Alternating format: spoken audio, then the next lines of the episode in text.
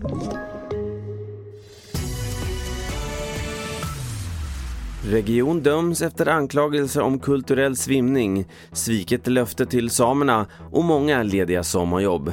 Jag först i TV4-nyheterna om att Västra Götalandsregionen döms att betala 80 000 kronor till dödsboet för den man som 2017 fick en hjärnblödning men där en ambulanssjuksköterska anklagade honom för att fejka sitt tillstånd.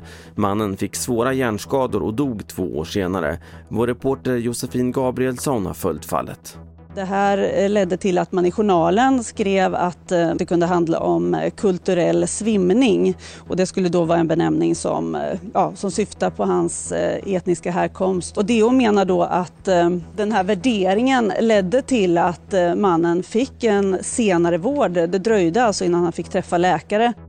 Sverige ligger i topp bland Europas länder när det gäller dödsskjutningar. Det konstaterar Brottsförebyggande rådet i en ny rapport. Där konstateras också att Sverige är det enda landet i Europa där antalet dödsskjutningar har ökat sedan år 2000.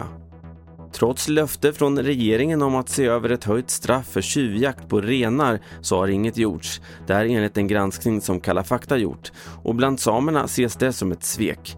Sanna Wanner är ordförande i Samisk ungdom.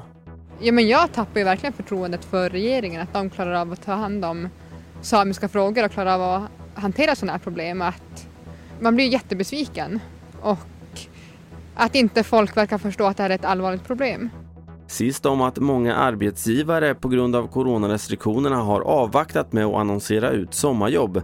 Och det här gör att det nu finns många lediga sommarjobb hos Arbetsförmedlingen, där Elinor Wassberg är jobbsökarexpert. Förra året så kunde vi se en trend att man till och med sökte personal i juli för sommarsäsongen för att det var just restriktionerna som släppte och då fick man annonsera sent.